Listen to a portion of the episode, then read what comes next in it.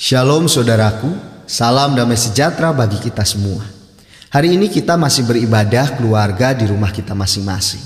Tentu ada perasaan kangen untuk beribadah di gereja, ingin bersekutu dengan kerabat dan sahabat yang lain. Pilihan kita untuk tetap berada di rumah merupakan bentuk persembahan hidup. Kita sedang merelakan kehendak dan keinginan pribadi demi keselamatan hidup orang lain. Roma pasal 12 ayat yang pertama. Karena itu saudara-saudara, demi kemurahan Allah aku menasihatkan kamu supaya kamu mempersembahkan tubuhmu sebagai persembahan yang hidup, yang kudus dan yang berkenan kepada Allah. Itu adalah ibadahmu yang sejati. Bersyukur jika di masa sulit ini kita justru mendapat kesempatan untuk mempraktekkan ibadah yang sejati. Mari kita merayakan syukur ini dengan pujian kita masuk rumah.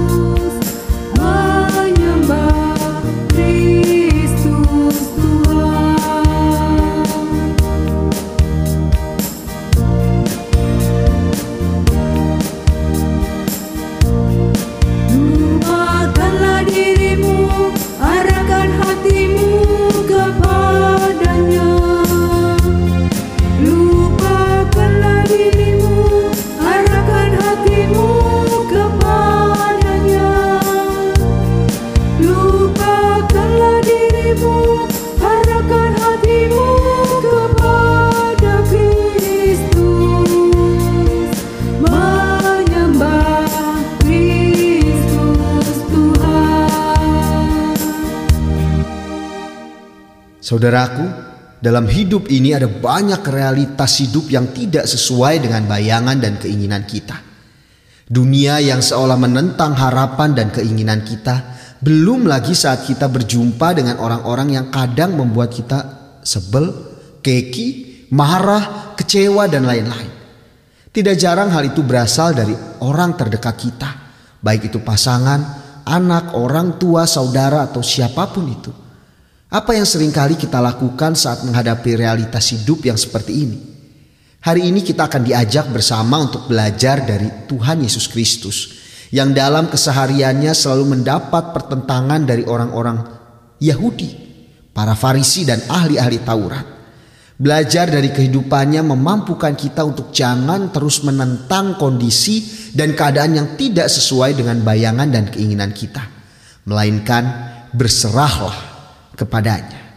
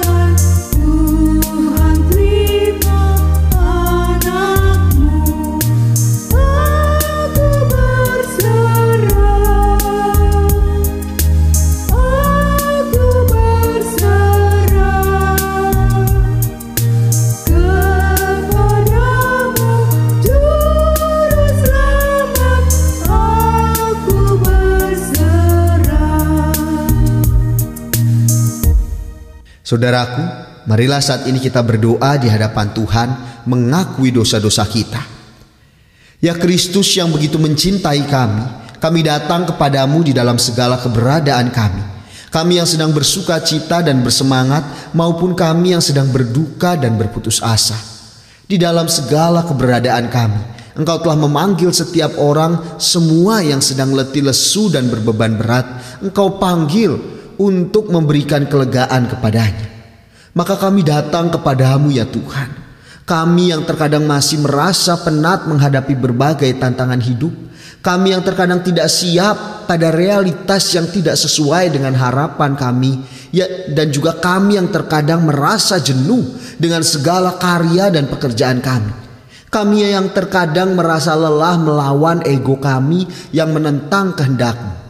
Inilah kami ya Tuhan kasihanilah kami menurut kasih setiamu.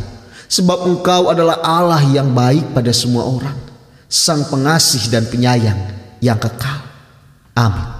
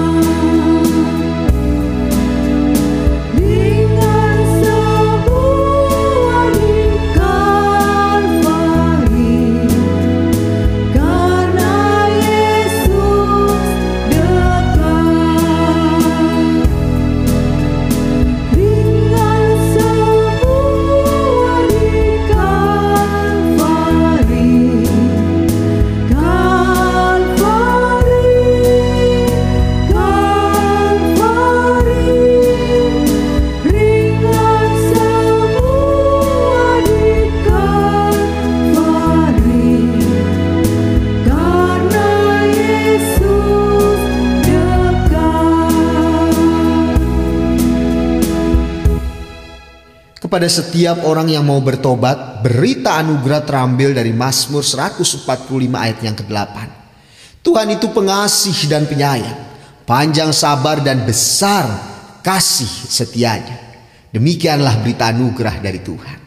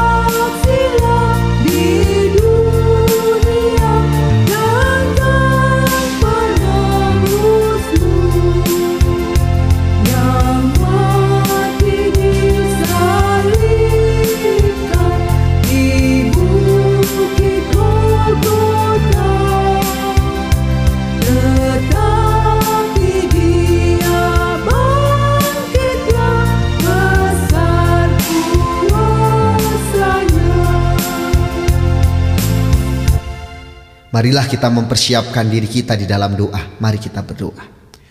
Di dalam kepercayaan iman kami atas kasih sayangmu yang tidak terbatas. Kami datang untuk merasakan aliran kasihmu ya Tuhan. Aliran yang pasti memberikan kesegaran dan kelegaan.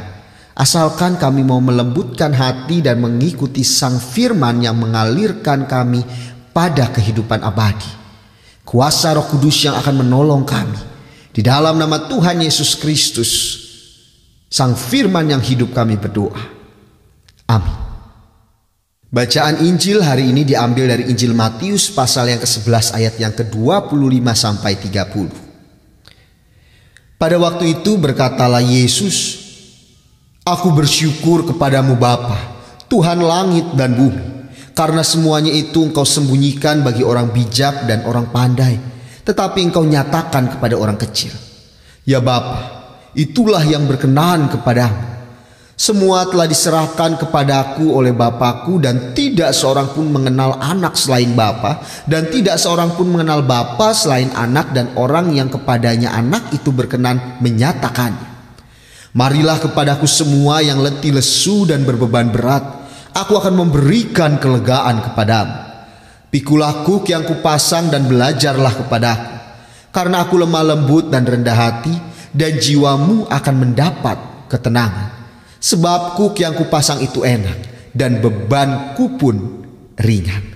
Demikianlah firman Tuhan yang berbahagia adalah bagi setiap kita yang mendengarkan, memelihara di dalam hati dan dengan sukacita melakukannya. Haleluya. Jangan terus menentang. Saudaraku, Rasa suka dan tidak suka pada seseorang atau sesuatu sering kali menjadi hal yang tidak terhindarkan di dalam kehidupan kita. Sebuah kutipan bahkan mengatakan bahwa boleh-boleh saja jika kita tidak menyukai seseorang atau sesuatu, entah itu memiliki alasan atau tidak. Ya, pasti setiap kita juga pernah punya pengalaman tidak menyukai seseorang atau sesuatu. Saya sebagai contoh, saya tidak menyukai sambal misalkan. Ya. Entah itu karena ada alasan atau tidak, tapi saya ada alasan. Kenapa? Karena sambal itu buat perutnya jadi mules, karena terlalu pedas dan lain-lain. Gitu ya. Jadi wajar-wajar saja kalau kita tidak menyukai seseorang atau sesuatu. It's okay. Tetapi apa yang tidak boleh adalah tidak menghargai atau malah merendahkan atau malah menghina orang atau sesuatu yang tidak kita sukai. Misalkan kalau saya tidak menyukai sambal, saya jadi menghina sambal, menghina orang-orang yang menyukai sambal. Tidak. No problem, ya. Itu yang akan menjadi sesuatu yang bermasalah. Tetapi yang menariknya adalah kenyataan yang kita jumpai di dalam kehidupan keseharian kita justru menunjukkan kalau perasaan like dan dislike sering kali mempengaruhi cara pandang dan perilaku kita pada seseorang atau sesuatu itu yang tidak kita sukai. Rasa suka akan membuat kita sangat maklum dan membuka ruang selebar-lebarnya. Tetapi rasa tidak suka bisa membuat hal baik jadi buruk dan hal yang sudah buruk makin terasa memuakan. Dan itulah kenyataannya. Dan memang paling membingungkan kalau berurusan sama orang yang sikapnya rentan dipengaruhi dengan rasa suka dan tidak. Karena segala sesuatunya pasti dinilai dengan sangat subjektif. Saya cukup tertarik beberapa waktu terakhir ini Bapak Basuki Cahaya Purnama atau Ahok itu muncul di YouTube ya. muncul di YouTube berdiskusi berbincang-bincang dengan banyak uh, youtuber-youtuber yang lainnya. Dan di salah satu perbincangan itu ditanya. Pertanyaan yang menarik dari salah satu youtuber yaitu Andi Noya sedang bercakap-cakap dengan uh, Bapak BTP ini. Kemudian uh, Pak Andi Noya ini bertanya Pak Ahok atau Pak BTP. Ketika Pak Ahok atau Pak BTP ditetapkan menjadi tersangka salah, menistakan agama, kenapa Pak Ahok hanya diam? Kenapa Pak Ahok tidak konferensi pers di depan banyak orang? Di, karena pada saat itu media-media sudah menunggu di depan sangat banyak pendukung Pak Ahok pun mendu, uh, sedang menunggu banyak di depan persidangan pada saat itu. Kemudian Pak Ahok ini atau Pak BTP ini menjawab. Dia berkata, "Buat apa saya konferensi pers? Kalau orang yang sudah suka sama saya, saya tidak usah konferensi pers pun mereka tahu apa yang saya perbuat tidak salah. Tetapi bagi orang yang tidak suka sama saya, yang akhirnya sampai membenci saya, saya mau berkata seperti apa pun, saya mau menunjukkan bukti seperti apa pun bahwa saya tidak bersalah, percuma. Mereka tetap akan membenci saya. Karena itu sangat subjektif. Saudaraku, Orang Farisi dan ahli-ahli Taurat terus menentang keberadaan Yohanes Pembaptis dan Yesus di dalam bahan bacaan kita. Mengapa? Karena ketidaksukaan mereka mempengaruhi cara pandang dan perilaku mereka terhadap Yohanes Pembaptis dan Yesus. Ketidaksukaan yang berujung pada kebencian membuat mereka tidak lagi bisa menilai dengan akal sehat mereka. Mereka terlalu subjektif dan cenderung tidak bertanggung jawab. Ajaran-ajaran yang berisi tentang kebenaran dan maksud Allah dari Yesus dan Yohanes Pembaptis diabaikan, bahkan disanggah dengan berbagai macam alasan.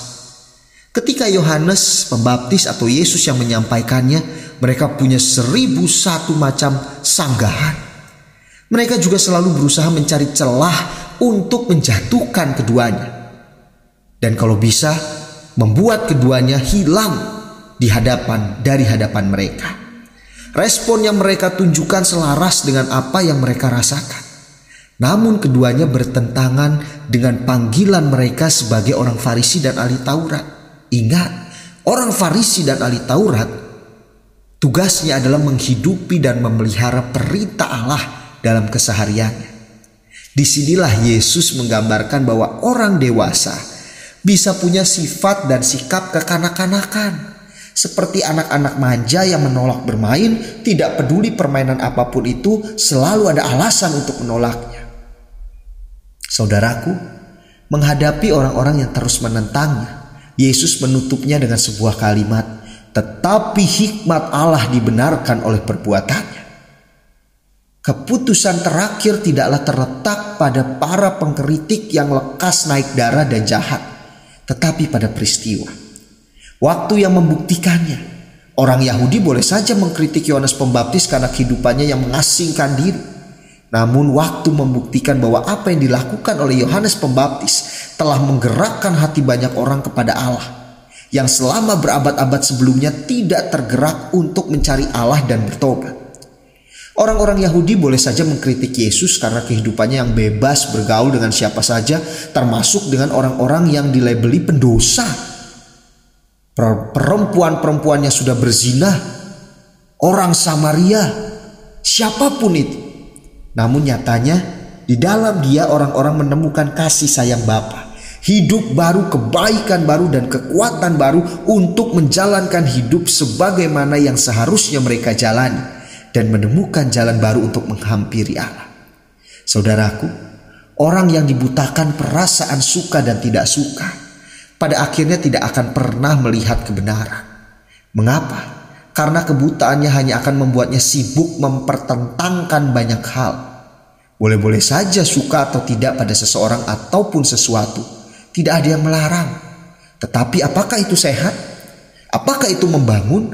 Apakah itu berguna bagi diri kita? Bagi kehidupan kita? Marilah kita bersama-sama belajar untuk menjadi orang yang senantiasa positif dengan demikian kita akan mampu melihat dan memahami lebih dalam dari apa yang nampak ada di hadapan kita.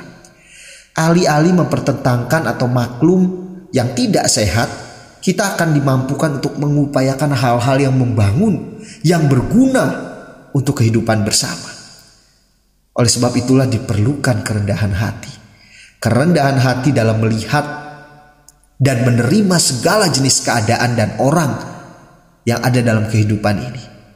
Pada dan pada akhirnya akan memperkaya dan mempertajam diri kita. Saudaraku, marilah kita bersama-sama belajar. Jangan hanya sekedar mempertentangkan segala sesuatunya karena kita suka atau tidak suka. Oh Tuhan aku nggak suka dengan keadaan seperti ini. Kenapa kamu engkau jahat? Kapan ini semua berakhir? Atau ah Tuhan aku tidak suka dengan si dia. Kenapa dia selalu ada di hadapanku? Ah Tuhan aku tidak suka dengan keadaanku yang seperti ini. Aku sakit-sakitan. Kenapa aku tidak diberikan kesehatan? Aku tidak suka dengan keadaan perekonomian keluargaku yang terus menerus berkekurangan. Kenapa aku tidak diberikan berkat yang lebih? Kalau kita hanya melihat dari sisi yang sini saja, kita akan terus mempertentangkan akan keberadaan diri kita. Tetapi marilah kita diajak lihatlah dari sisi yang positif. Marilah kita belajar bersama-sama. Belajar untuk senantiasa memiliki hati yang rendah hati sehingga kita siap untuk melihat segala sesuatu dari sisi positif. Boleh saja suka tidak suka. Tetapi apakah itu berguna atau berdampak yang baik bagi diri kita? Kalau dampaknya buruk lebih baik tidak. Saudara, kiranya Tuhan menolong dan memberkati kita agar kita berhikmat untuk bisa merespon segala hal dengan positif Bukannya malah terus-terusan menentang apa yang ada dalam kehidupan kita saat ini. Terimalah dengan penuh sukacita, bersyukurlah, dan bersaksilah bagi Tuhan. Tuhan memberkati kita sekalian. Amin. Marilah kita bersama dengan umat Allah di masa lalu, masa kini dan masa depan mengingat pengakuan pada baptisan kita menurut pengakuan iman rasuli. Aku percaya kepada Allah, Bapa yang Maha Kuasa, Kalik langit dan bumi, dan kepada Yesus Kristus, anaknya yang tunggal, Tuhan kita, yang dikandung daripada roh kudus, lahir dari anak darah Maria, yang menderita sengsara di bawah pemerintahan Pontius Pilatus, disalibkan, mati dan dikuburkan, turun ke dalam kerajaan maut. Pada hari yang ketiga, bangkit pula dari antara orang mati, naik ke surga, duduk di sebelah kanan Allah Bapa yang Maha Kuasa. Dan dari sana ia akan datang untuk menghakimi orang yang hidup dan yang mati. Aku percaya kepada Roh Kudus, gereja yang kudus dan am, persekutuan orang kudus, pengampunan dosa, kebangkitan orang mati, dan hidup yang kekal. Amin. Marilah kita bersama-sama masuk dalam pokok-pokok doa syafaat kita. Kami bersyukur hanya kepadamu ya Tuhan atas kasih rahmatmu di mana engkau memanggil setiap kami yang letih lesu dan berbeban berat. Engkau tidak meninggalkan kami. Engkau malah selalu hadir menemani langkah hidup kami. Ya Tuhan Yesus Kristus, biarlah dengan keadaan yang seperti ini, dengan pemahaman iman kami bahwa Tuhan yang selalu berada bersama dengan kami, membuat kami tidak terus menentang akan keadaan-keadaan yang ada dalam hidup kami, melainkan kami belajar untuk mensyukurinya karena ada Tuhan yang berjalan bersama dengan kami. Ya Tuhan Yesus Kristus, saat ini pun kami juga mau berdoa, biarlah kira juga Tuhan mau memberikan kepada kami sukacita terkhusus baik kepada pemerintah kami, kepada para tenaga medis, para ilmuwan, pengusaha, kami setiap keluarga Tuhan berikan sukacita di tengah keadaan yang seperti ini. Biarlah kiranya di tengah keadaan yang seperti ini pun kami tetap bisa melakukan kehendak Tuhan. Kami tetap masih bisa mensyukuri semuanya. Ya Tuhan Yesus Kristus. Kami juga mau bersama-sama menaikkan doa kami untuk setiap kami yang dalam keadaan sakit ataupun keluarga-keluarga yang sedang berduka.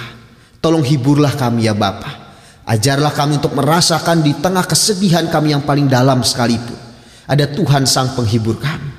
Ya Tuhan Yesus Kristus. Biarlah kiranya dengan ini semua membuat kami menjadi semakin kuat menjalani hari-hari kami. Kami juga mau berdoa untuk setiap kami yang terdampak perekonomian kami akibat COVID-19 ini. Ya Tuhan Yesus Kristus, Biarlah kiranya juga Tuhan yang memberikan penghiburan kepada kami. Kebijaksanaan kepada kami untuk kami mengatur keuangan kami, untuk kami melihat maksud Tuhan di balik semuanya ini. Dan kami ajaklah kami untuk mau berusaha dan juga berdoa agar kami pun dapat keluar dari keadaan-keadaan yang tidak menyenangkan saat ini. Ya Tuhan Yesus Kristus, kami juga mau menaikkan doa kami untuk gereja-gereja Tuhan. Baik GKIDI Panjaitan, baik gereja-gereja yang lain. Biarlah kiranya kami sebagai gereja juga boleh ber, berdampak di tengah-tengah kehidupan kami.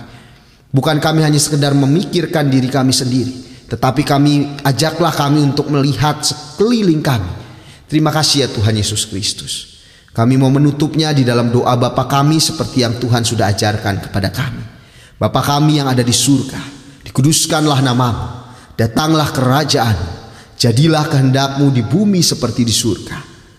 Berilah pada kami saat ini makanan kami yang secukupnya dan ampunilah kami akan kesalahan kami, seperti kami juga mengampuni orang yang bersalah kepada kami. Dan janganlah membawa kami ke dalam pencobaan, tetapi lepaskanlah kami daripada yang jahat. Karena engkaulah yang punya kerajaan dan kuasa dan kemuliaan sampai selama-lamanya. Amin. Hari ini kita tetap bersyukur dengan menyerahkan persembahan kepada Tuhan. Persembahan yang dikumpulkan akan diberikan kepada gereja. Dan nas persembahan dari 1 Tawarik 29 ayat 14. Sebab siapakah aku ini dan siapakah bangsaku sehingga kami mampu memberikan persembahan sukarela seperti ini? Sebab daripada mulah segala-galanya dan dari tangan mulah sendirilah persembahan yang kami berikan kepadamu.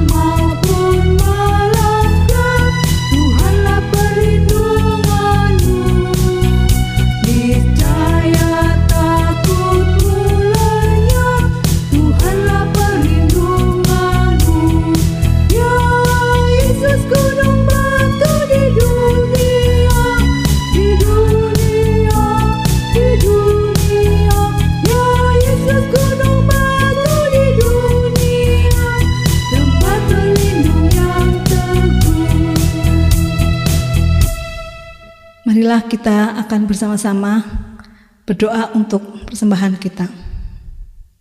Allah Bapa penuh kasih, kembali kami menghadap ke hadiratmu untuk mengucapkan syukur dan terima kasih atas berkat-berkat darimu sepanjang hidup kami di tiap-tiap hari yang kami lalui dan bahwasanya kami sudah diberi kesempatan saat ini untuk mengumpulkan persembahan wujud dari syukur kami atas rezeki yang telah Allah Bapa karuniakan kepada kami. Bapa berkatilah serta kuduskanlah persembahan kami ini, serta dengan hikmatmu majelis jemaat dapat mempergunakan sebagai sarana pekerjaanmu bagi kebesaran dan kelebaran kerajaanmu di gereja kami ini. Doa ini kami naikkan dalam nama putramu yang tunggal Tuhan Yesus Kristus. Juru selamat kami yang hidup. Amin. Saudaraku, jangan terus menentang di kala hidup kita penuh dengan kemelut. Datanglah dan belajarlah dari Yesus yang menang menanggapi semua pertentangan dengan kerendahan dan kelembutan hati. Tanamkanlah citra Yesus di dalam diri kita supaya hati kita rendah dan selalu mencerminkan kasih Allah dan mampu melihat dan memegang teguh janji yang manis yang Tuhan berikan kepada kita janji yang manis.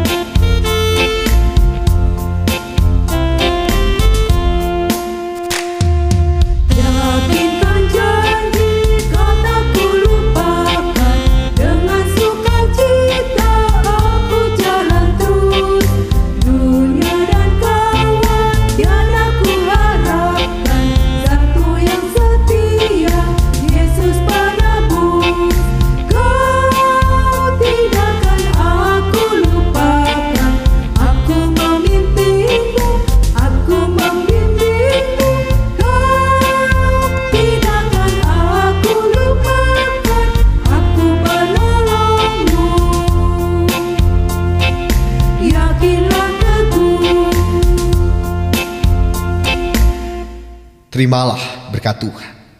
Tuhan memberkati dan melindungi engkau. Dia menjaga engkau menghadapi pergumulan. Dia menemani engkau di masa-masa sulit ini. Dia merengkuh engkau di dalam kehangatan dan memperlengkapi engkau dengan pengharapan. Sampai saatnya kita bertemu kembali. Kiranya persekutuan kasih Allah Bapa, Anak dan Roh Kudus senantiasa menyertai engkau kini dan selamanya. Amin.